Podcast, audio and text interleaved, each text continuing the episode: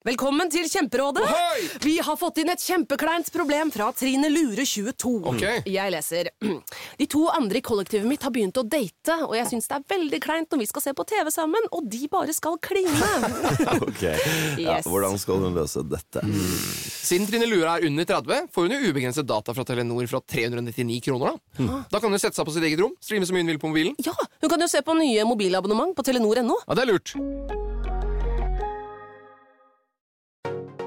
Hei dere, velkommen til oss. Vi er Biohacking Girls, din podkast for optimal helse. Vi er to jenter bak rattet. Dette er Monica. Og dette er Alette. Vi er biohacking-kollegaer og legger sammen våre erfaringer og kunnskap for å inspirere deg til å ta fatt på biohacking for å optimalisere helsen din. Vi følger med og setter forstørrelsesglass på trender og siste forskning, og snakker med verdens toppeksperter innen trening, life coaching, helse og biohacking. Er du klar for å starte med konkrete hacks, lytte til din egen kropp og ta fatt på din helsemessige reise sammen med oss? Vi ønsker naturlig tilnærming til helsen vår, og vi snakker til både menn og kvinner. Du kan gjerne gi tilbakemeldinger til oss under podkasten her, og slå gjerne til med en god stjerne. Du finner oss også på Instagram og Facebook. Er du klar? Velkommen.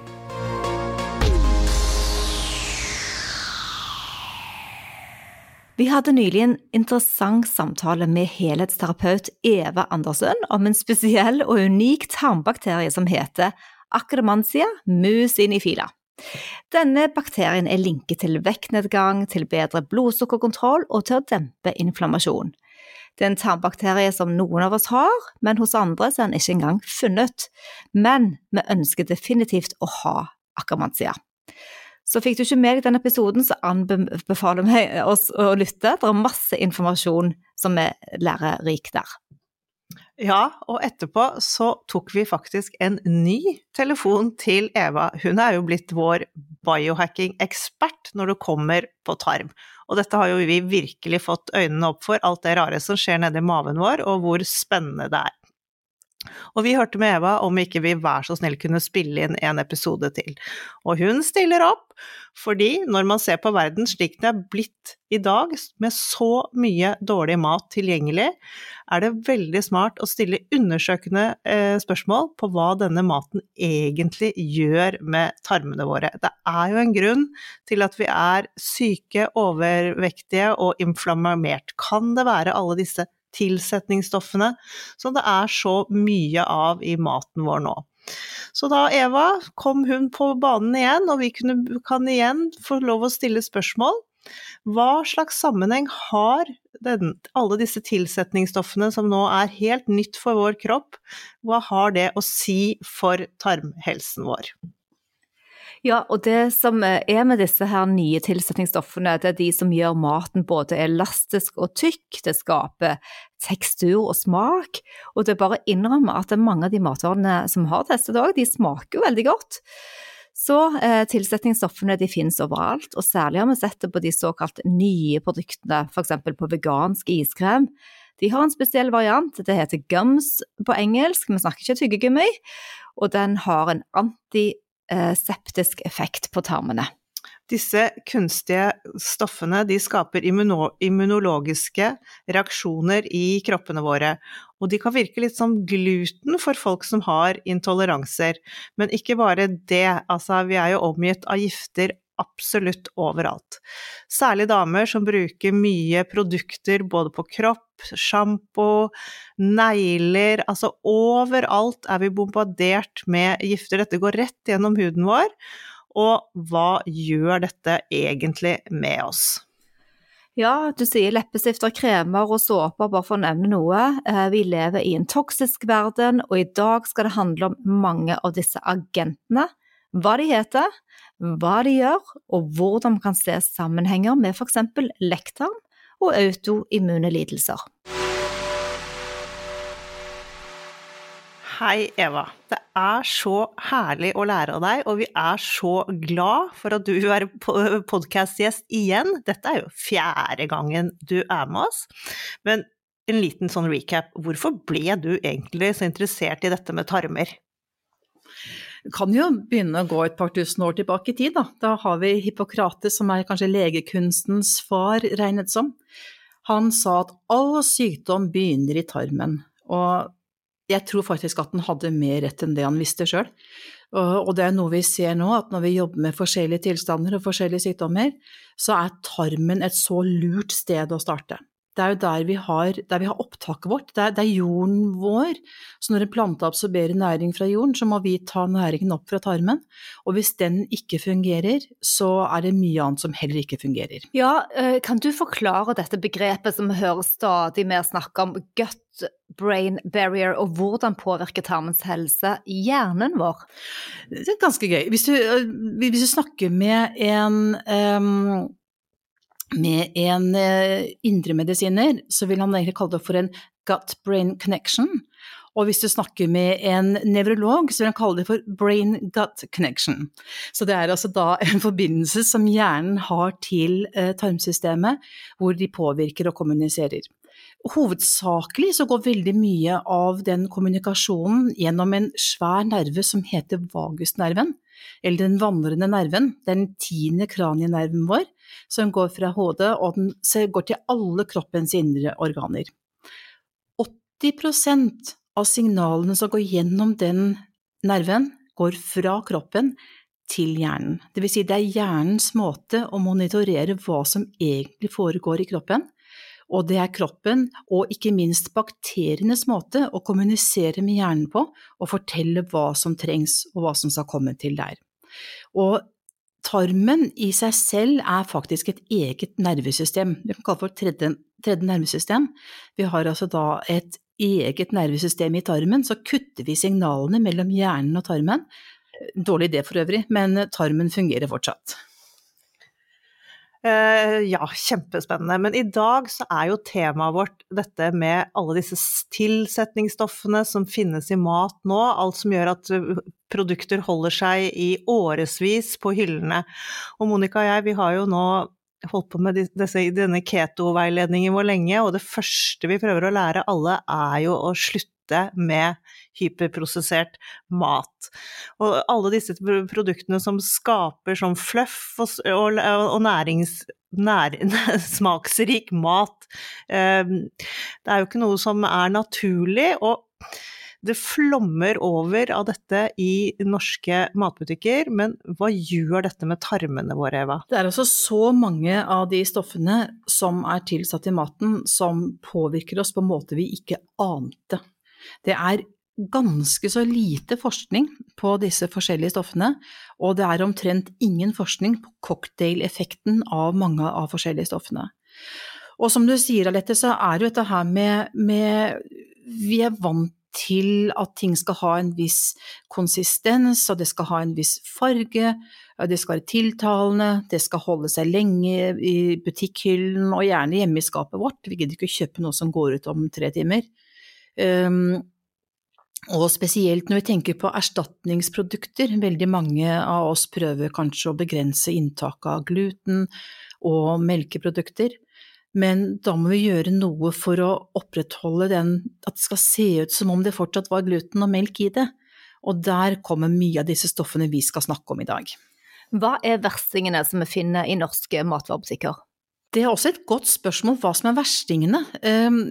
Jeg, for å starte ett sted, da, Eh, så tenker jeg at disse emulgatorene er en relativt dårlig idé. Eh, emulgatorer, eller emulsifiers, så er det spesielt det som heter karboksymetolcellulose. Eh, den har jeg øvd på. E466. Og eh, polysorbat 80, den heter da E433. Det er veldig mye brukt både i mat og i kos kosmetikkindustrien. Eh, og også i legemiddelindustrien, det kommer jeg sikkert tilbake igjen til. Og saken er at når du blander vann og olje, så kan du faktisk ikke blande vann og olje. Det har alle sikkert prøvd, og sett at oljen ligger og flyter oppå, og de blander seg ikke spesielt godt så tilsetter man en emulgator som gjør at disse stoffene blander seg fint sammen og gir en tykk og en jevn masse. De fortsetter jo å virke når de kommer i kroppen. Vi har fysiologisk sett veldig forskjellige måter å frakte vannløselige og fettløselige stoffer i kroppen vår. Eh, når vi avgifter, så eh, sånne, sånne, som meg, som har litt ekstra rundt livet, vet at det mest stabile vevet i kroppen, det er fettvevet. Og det utnytter kroppen, så den putter faktisk toksiner og giftstoffer, det nøytraliserer på et vis ved å putte det i fettvevet, for der er det aller mest stabilt. Og når vi skal avgifte, så må dette via leveren, og så må det inn i en eh, prosess med masse rare enzymer som skjer, og som gjør det mer vannløselig, og da er det faktisk mer giftig til å begynne med, før det skilles ut av kroppen. Men dette er funksjoner som kroppen har holdt på med i alle tider, og den skiller veldig mellom fett og vannløselig. Ikke så lurt hvis vi putter disse emulgatorene i maten og på, i kosmetikken vår og får masse av, av dette i oss, eh, så kan det påvirke på en ganske negativ måte. Ja, og det høres jo ut som kroppen holder på disse tingene. Er, er det vanskelig å få avgiftet seg for emulgatorer? Jeg vet ikke hvor godt, godt kroppen renser ut, faktisk. Um, det er jeg ikke helt sikker på, men det vi vet er at det passerer steder det ikke skal. Og det lover jo ganske dårlig. For eksempel, vi har denne blod-hjerne-barrieren, som er en fantastisk barriere som gjør at det kun det som skal inn i hjernen av næringsstoffer og signaler, kommer inn, og andre ikke gjør det. Men disse emulgatorene ser ut til å kunne ha en effekt som gjør at den barrieren svekkes og ting kan passere gjennom og også når de putter dette stoffet som heter polysorbat 80, brukes i f.eks. vaksiner og i en del legemidler. De putter det i, i legemidler, f.eks.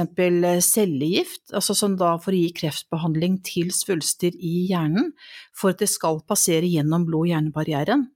Men når de putter det i andre stoffer, sånn som vaksine, for at det, de stå, altså det som er av ingredienser i vaksinen skal mikses og blande seg, og hver dråpe skal være like jevn og inneholde samme, samme stoffene, så forteller jo det at de også passerer steder de kanskje ikke burde. Det er jo ikke rart vi blir syke, og jeg tenker på den stakkars leveren som får alle de inntrengerne som den ikke gjenkjenner. Den får ikke, leveren får ikke gjort den jobben den egentlig skal. Nei, og den miljøbelastningen vi da er utsatt for, den er ganske tøff. Og igjen, som jeg nevnte i stad, forskningen på cocktaileffekten av alle de forskjellige stoffene er så å si ikke til stede. Man får godkjent ett og ett stoff, og stort sett så er det for korttidsbruk. Ingen vet om langtidseffekt og kumulative effekter, eller effekter av det. Og eh, hva skjer når vi har mange forskjellige? Det har faktisk vist at nordmenn er blant de giftigste folka i verden. Det ser man når man tar, eh, tar urinprøver på miljøgifter. Vi har bøttevis med giftstoffer i kroppen.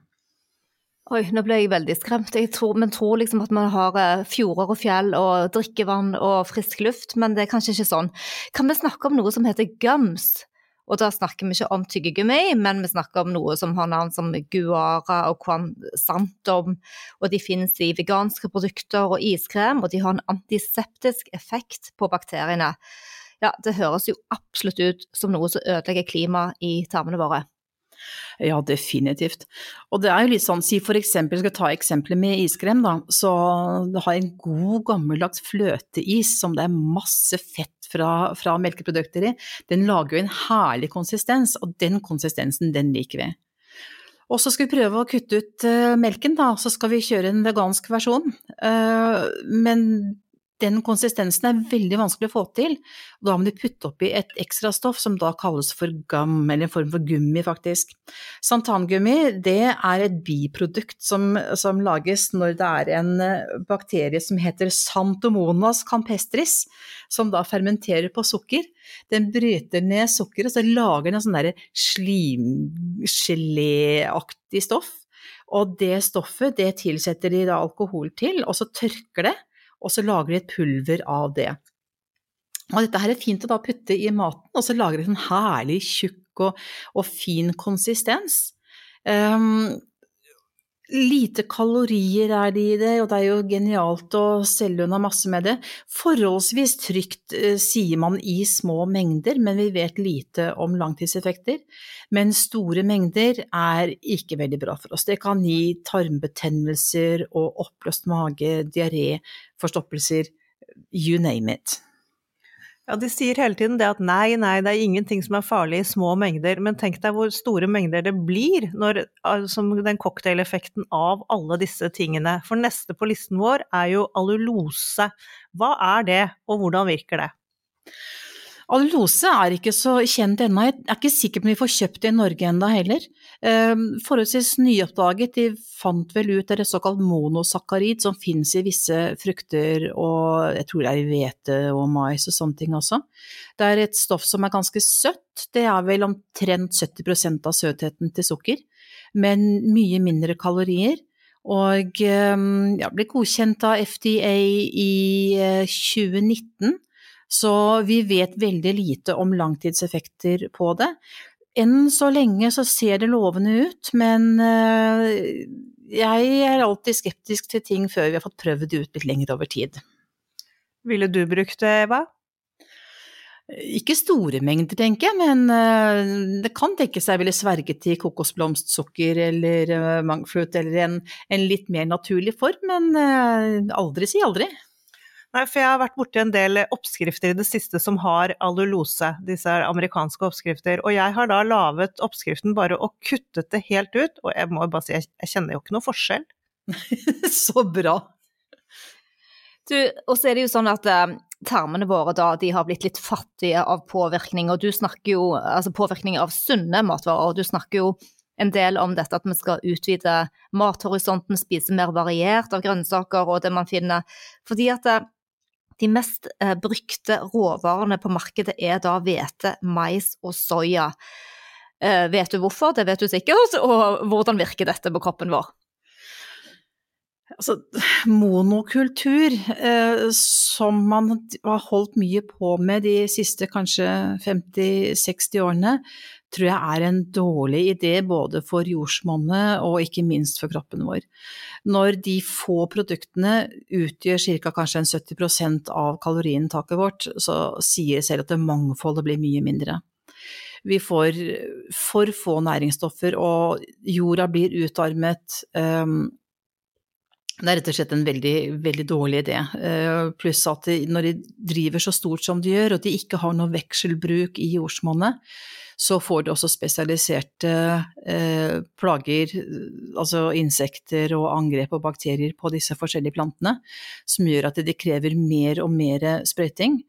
Og veldig mye av det, heldigvis lite i Europa, men mye av det som er, vi importerer fra USA, vil kunne være genmodifisert. Og eh, har jeg lov til å fortelle en liten ting om genmodifisering? Veldig gjerne. Det finnes en bakterie som heter Bacillus turiengensis. Og det er en bakterie som har en egenskap, den har et gen som gjør at hvis insekter spiser den, så sprekker magen deres. Eller om ikke sprekker, men det lages masse små hull i tarmen på insektene og larver, og som da gjør at de dør. Men de dør ganske raskt. De dør på en sånn par, tre, fire dager. Og det syns forskerne er litt rart, fordi at de trodde at det var fordi at tarmen blir så svekket at den eh, at de ikke tar opp næring, og dermed så sulter de i hjel, men det skulle tatt i hvert fall en uke eller mer. Så en forsker som da skulle prøve seg på dette her, og som forska på larver, og det hun gjorde var å behandle dem med antibiotika først. For da var hun sikker på at det bare var egenskapen fra Bacillus thuringensis som, som kom gjennom. Og det som skjedde var at de overlevde hele gjengen. Så det man kom fram til, var at når bakterien borer hull i tarmveggene, så lekker tarmens naturlige bakterier over i blodbanen og lagde infeksjoner. Da kom det steder det ikke skulle. Og det er et sånn genialt eksempel på at tarmen vår er som eiendomsmarkedet ellers òg. Det er beliggenhet, beliggenhet og beliggenhet. Så eh, bakterier som kommer på avveie, de kan lage problemer eh, når de kan være veldig gode å ha andre steder. Men det genet syns jo disse forskerne var så fantastisk at de spleiser det over i visse kornprodukter. Eh, og da gjør at insektene ikke angriper det så lett. Så sier de til at ja, det er ikke noe farlig for oss, vi bryter det ned og det spaltes i magen og det kommer ikke ut i kroppen. Men det stemmer ikke, for det er påvist i blodprøver. Det er påvist rundt omkring i kroppen, og det er til og med påvist i navlestrengsblod og fosterblod. Så hva det gjør med oss Magen vår sprekker ikke, det ser vi jo, men hva det kan ha å si for eventuelt en lekt tarm, det vet vi altfor lite om ennå. Ja, altså Eva, det, vi står her med åpen munn, og ja, dette er det, Dette må vi bare alle begynne å tenke litt mer på. Det er, og det er ikke så lett, fordi vi lever i et samfunn hvor alt går fort, og vi tenker ikke noe særlig over det, og vi får hele tiden beskjed om at det er greit, vi tåler litt av alt. Men hvis vi ser da på jegersamfunnet før i tiden, når man hentet mat der man fant den, og måtte ty til det som var tilgjengelig ut fra sesongen, hva kan vi lære av dette og bringe videre? Også interessant fordi at eh, som sagt, maten har jo ikke alltid vært så tilgjengelig som den er nå. Vi har måttet leve etter årstidene når vi hadde tilgang på, på frukt og bær, så momsa vi oss som bare det. Altså Se på bjørnen, han går rundt da hele sensommeren og høsten og spiser blåbær og bær og blir så tjukk og feit han bare kan, sånn at han har noe å tære på når han skal ligge da i hi gjennom hele vinteren. Men når vi bare kan stikke ned på butikken og kjøpe det og ha det tilgjengelig året rundt, så får vi ikke disse variasjonene med, med årstidene som vi får. Vi har man snakker om feast and famine, altså vi har tilgang på mye og tilgang på lite.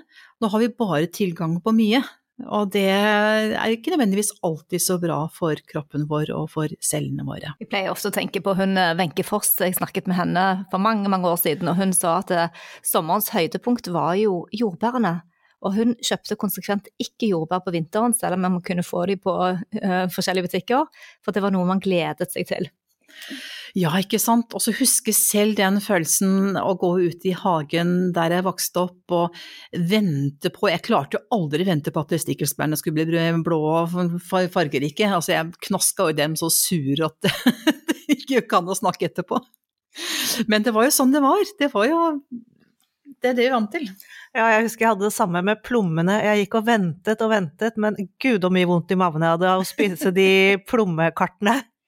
Og så er det jo mange barn da som er litt ensidige i kostholdet sitt. Jeg har en hjemme, han liker, jeg pleier å si fem ting, det, det er nok riktig nok litt mer enn det, men, men allikevel nå har vi sånn smake, hver dag smake på noe nytt. Og selv om det er ett basilikumblad, så bare det å åpne disse løkene hans og så kjenne at det er mer eh, der ute enn de fem tingene.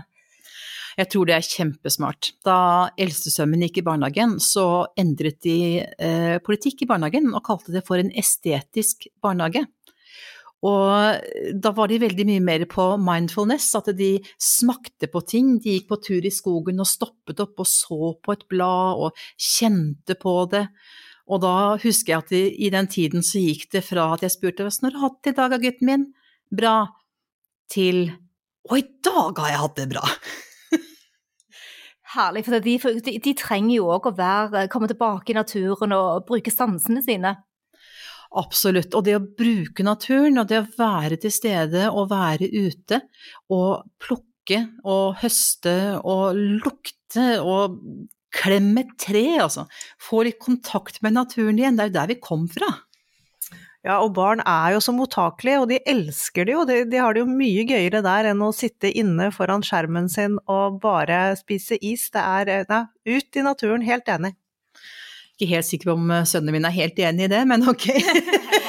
det, det, man må finne den rette balansen. Og, men skal vi gå tilbake til de litt vanskelige ordene? Du er jo ekspert på latinske begreper og medisinske. Hva med santamgummi? Vi har f.eks. goargum, som er et annet fiber, som også kan i store mengder lage irritasjoner. Vi har karagengam, eller karagengam. Den lages av, av tang den ser også ut til å lage inflammasjoner i, i mage-tarmkanalen. Så så langt blant de gum, så har de en som heter akasiegum, som ser ut til å være forholdsvis ufarlig så langt. Det er en type fiber som faktisk kan fòre tarmbakteriene og virke som et prebiotika. Men vi vet ikke nok om mengder, hvor mye som skal til. eh, Det kan vi litt lite om enda. Har de noe negativ effekt på akamansia? Det vet jeg ikke. Jeg har ikke funnet noe informasjon om. Og hva med natriumlaurylsulfat, hva er det? Ja, det er blant tingene som vi putter oppi mye rart. Um, Natriumlaurylsulfat, eller sodium laurel sulfate, det er noe som brukes mye av i tannkremer, altså tannpasta. I sjampoer, såper, eh, fettløsende vaskemidler.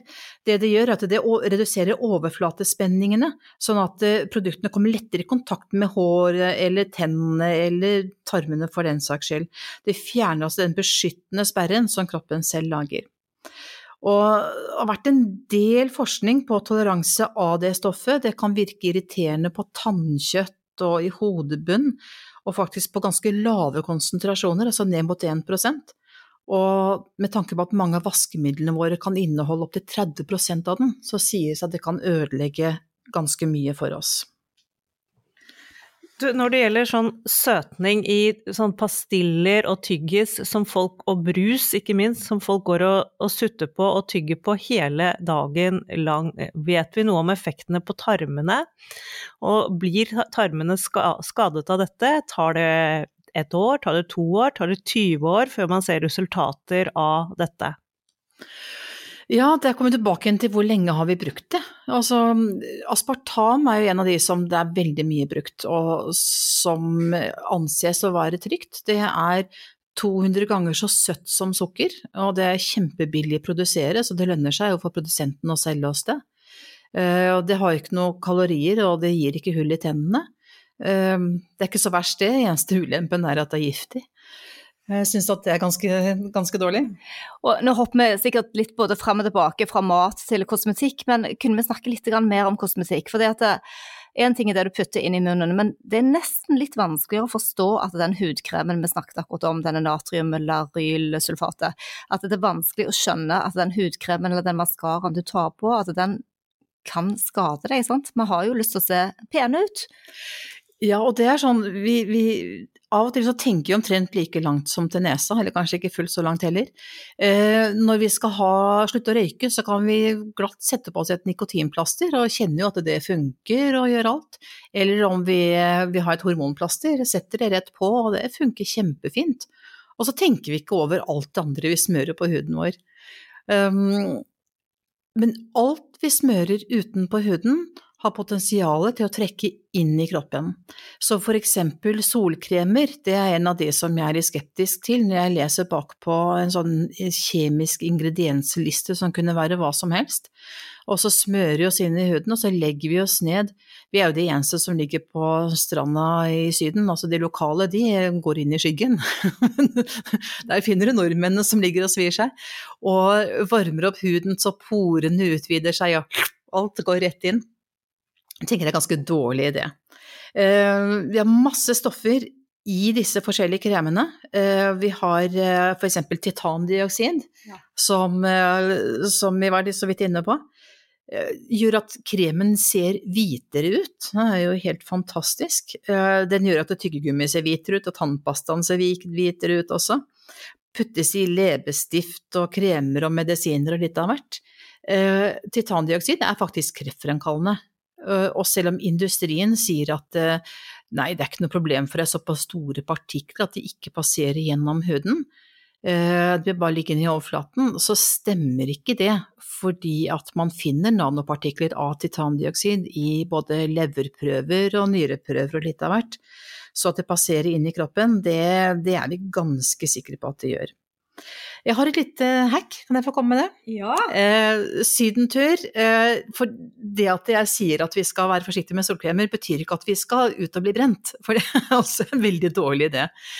Men eh, det å bruke kokosolje Kokosolje har en naturlig solfaktor på ca. 6. Det er ikke så veldig mye, men kokosolje er rent og fint og har flytende form i sydentemperaturer, så det er lett å smøre på seg. Og så kjøper du med deg en sinksalve sånn som man spørrer i rumpa på småbarn når de blir såre. Det har en sunblock-effekt, det stopper det helt fullstendig, og så blander du sammen de to. Begynnelsen av ferien så pleier jeg å ha ganske mye sinksalve i, for da liksom, jo mer sinksalve du har, jo høyere faktor får du. Og utover ferien, som huden har da fått liksom litt mer farge og litt mer underlag, så har jeg mindre sinksalve i blandingen. Fungerer som bare det. Og akkurat når sola er på det varmeste, så er det lurt å sette seg under en parasoll og ta et glass vin, for eksempel. Altså, det er det kuleste hacket jeg har hørt ever. Den skal jeg absolutt begynne med. Men Eva, eh, når det gjelder skjønnhetsprodukter og sånne ting, hva, hva styrer du helt unna? Jeg prøver å tenke på at det, det jeg smører utenpå huden, skal kunne være så rent at jeg skal kunne spise det. Som jeg sier at når jeg smører meg med kremer og alt sånt, så bruker jeg helt naturlige ting, og jeg bruker veldig gjerne kokos. Både som eh, leppepomader og som, som kremer ellers. Sånn som maskara, tenker jeg, det er ikke så mye kontakt med hud som kroppen får absorbert mye fra. Der er jeg litt mindre restriktiv. Men du har veldig gode produkter, eh, gode merker, eh, Dr. Hauska, eh, hva heter disse forskjellige, Kiss My Face var en serie som het, hadde veldig fine, rene produkter. Det fins forskjellige serier som spesialiserer seg på sminkeprodukter uten kjemikalier, iallfall minst mulig kjemikalier. Og vi burde tenke oss det er fint å føle seg vel og se lekker ut, det fortjener vi alle sammen, men til hvilken pris? Hva med hårfarge? Vi er blondiner, og vi må bare innrømme at vi farger håret. Eh, Det har heldigvis kommet eh, mange økologiske produkter, og de lukter jo ikke lenger. Før så kunne du nesten ikke puste når du satt og ja, Det er bare seks-syv år siden så kunne du ikke puste mens du farget håret, men nå lukter det ingenting, og det er nesten like skummelt. Ja, altså det er Det fins også økologiske hårprodukter faktisk som kan fungere veldig fint. For mange, mange år siden så jobbet jeg med en frisør som, som fikk så store utslett på hendene at hun ikke kunne jobbe med disse produktene. Og hun lærte meg en hel masse om eh, forskjellige produkter som da kan være naturlig og som er fine å bruke. Så finn deg en god frisør, snakk med frisøren din om det. Si du vil ha minst mulig kjemikalier. Og én ting er å sitte og ha det i håret og hodebunnen, og tenk på den stakkars frisøren som går i dette her dag ut og dag inn. Eh, det er heller ikke så bra. Så la oss som forbrukere legge press på markedet til at vi får mest mulig produkter som skader minst mulig. Ja, helt enig. Så la oss biohacke litt nå på slutten her. Og hva skal vi tenke på? Som du sa, det, det å være bevisste for, forbrukere er jo superviktig, og sånn at disse produktene som vi vil ha, blir solgt mer av. Men har du noen andre hacks i hva vi kan tenke på i hverdagen? Ja, det har jeg satt meg noen små notater på her. Um, økologisk. Det er en sånn tanke nummer én. Minst mulig kjemikalier inn i kroppen. Det er en veldig god idé. Vi vil gjerne beskytte både huden vår og tarmene våre og alle disse barrierene våre så mye vi kan. Og hvis vi putter inn ting som er eh, bakteriedrepende og fettløsende og emulgerende og alt dette her, så, så kan det potensielt skade oss. Så har vi mye vi kan gjøre sjøl, som faktisk ikke behøver å være verken veldig vanskelig eller veldig kostbart. Kok kraft. Kraft er fantastisk for oss å styrke en lekt tarm, og i stedet for oss å hive kyllingskrogen når vi har eh, gnagd av resten, eller kalkunen eller eh, lammelåret eller hva vi har av bein, sleng det inn i ovnen, litt eddik på, la det ligge og løse seg opp, og la det ligge over natten, eller la det småkoke en dag eller to. Fantastisk for masse kollagen og mye mikromineraler som er flott for kroppen. Vi har brukt mye resveratrol nå i det siste. Hva tenker du om det? Ja. Den er på min ja-liste. Eh, Fantastisk også et av polyfenolene som er kjempeviktig for å beskytte oss eh, mot skader og, og beskytte blodårene og sirkulasjonen vår. Ja, også litt for, for fermentering. Fermentering er gøy, og det er ikke så skummelt som det høres ut til. Ja, du er virkelig en sånn fermenteringsekspert. Men hva Og granskuddpesto er godt. Å! Ja, lage pesto med granskudd. Fortell hvordan du gjør det. Helt enkelt plukke granskudd. Bruk ferske granskudd. Du kan ha oppi litt valnøtter, eller eventuelt mandel eller pinnekjerner, og litt eh, god olivenolje, og litt salt og pepper. Frese i hurtigmikseren, da har du granskuddpesto. Helt utrolig. Ok, jeg skal hjem nå, og det skal ordnes og fikses. Men hva med for å liksom rense ut og hjelpe oss med alle disse toksinene vi nå har snakket om som vi ikke vil ha, periodisk faste. Det snakket jo litt om det i forrige episode med deg også, men eh, har det noe effekt på å få ut disse giftstoffene? Jeg tror periodisk faste er kjempesmart. Jeg tror det er eh, lurt at vi gir kroppen litt tid til hvile. Og at vi gir kroppen tid til å renses og tømme tarmsystemet. Vi blir faktisk litt grann mer årvåkne. Jeg skal ikke si smartere, men mer årvåkne hvis vi er litt sultne. For naturen er laget sånn at da må vi skjerpe oss for å gå ut og finne mat. Og vi, det er lettere å holde energien stabil hvis du er sulten, faktisk, enn hvis du akkurat har spist et stort måltid. Og det å lette jobben til leveren og til kroppen med å ikke spise hele tiden, ikke gå rundt og gresse hele tiden, det er en veldig, veldig god idé. Som på slutten her, så er vi bare litt spente på den microbiome-testen. Vi har jo tatt den én gang, og jeg vet at mange av lytterne dere der hjemme òg har både vært nysgjerrig, og flere av dere har tatt testen hos eh, Eva. Så vi bare tenker å spørre sånn helt på slutten. eh, En sånn test, vil den avdekke noen av de tingene som man har snakket om i dag, i form av at bakteriene enten ikke er detektet, at du kan ikke finne dem, eller at de er svekket, eller at det er for mye av noen andre. Og spørsmål nummer to i samme spørsmål er hvor ofte tar man en sånn microbiome-test, eller hvis man skal sjekke igjen resultatene etter en innsats og gode biohacks?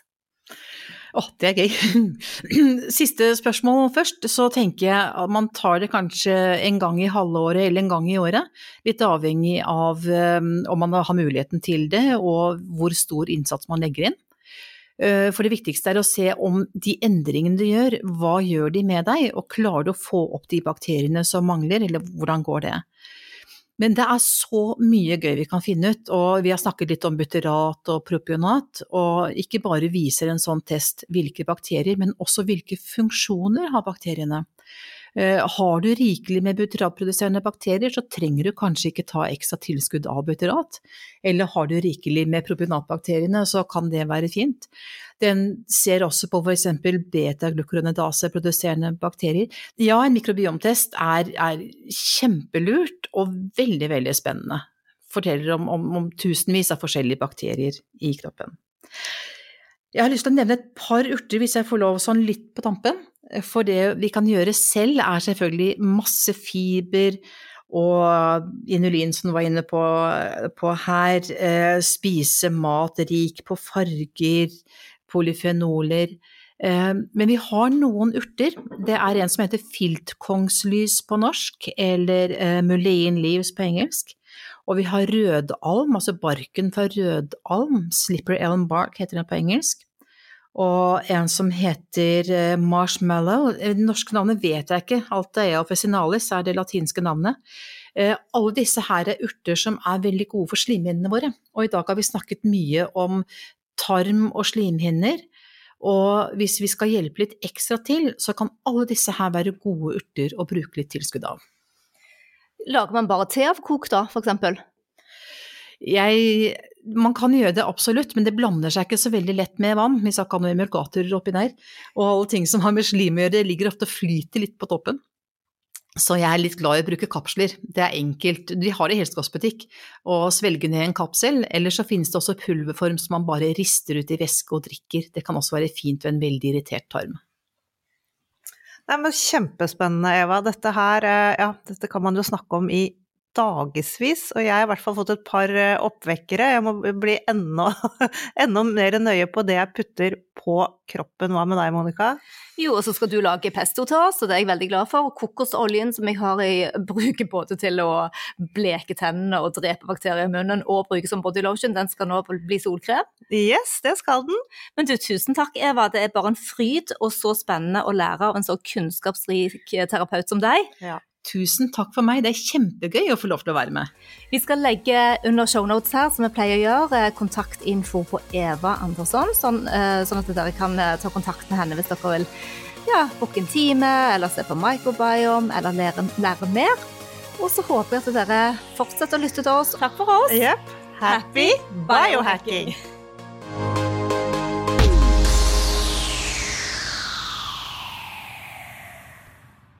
Vi minner om at dere må snakke med egen lege eller kostholdsveileder om dietter og andre spørsmål relatert til medisiner og supplementer. Informasjon vi deler, kan ikke bli brukt til å diagnostisere, behandle, forebygge eller kurere noen sykdommer eller tilstander. Velkommen til Kjemperådet! Vi har fått inn et kjempekleint problem fra Trine Lure 22. Okay. Jeg leser. De to andre i kollektivet mitt har begynt å date, og jeg syns det er veldig kleint når vi skal se på TV sammen, og de bare skal kline. Ok, ja, Hvordan skal hun løse dette? Siden Trine Lure er under 30, får hun jo ubegrenset data fra Telenor fra 399 kroner. Da Da kan hun sette seg på sitt eget rom, streame så mye hun vil på mobilen. Ja, hun kan jo se på nye mobilabonnement på telenor.no. Ja, det er lurt.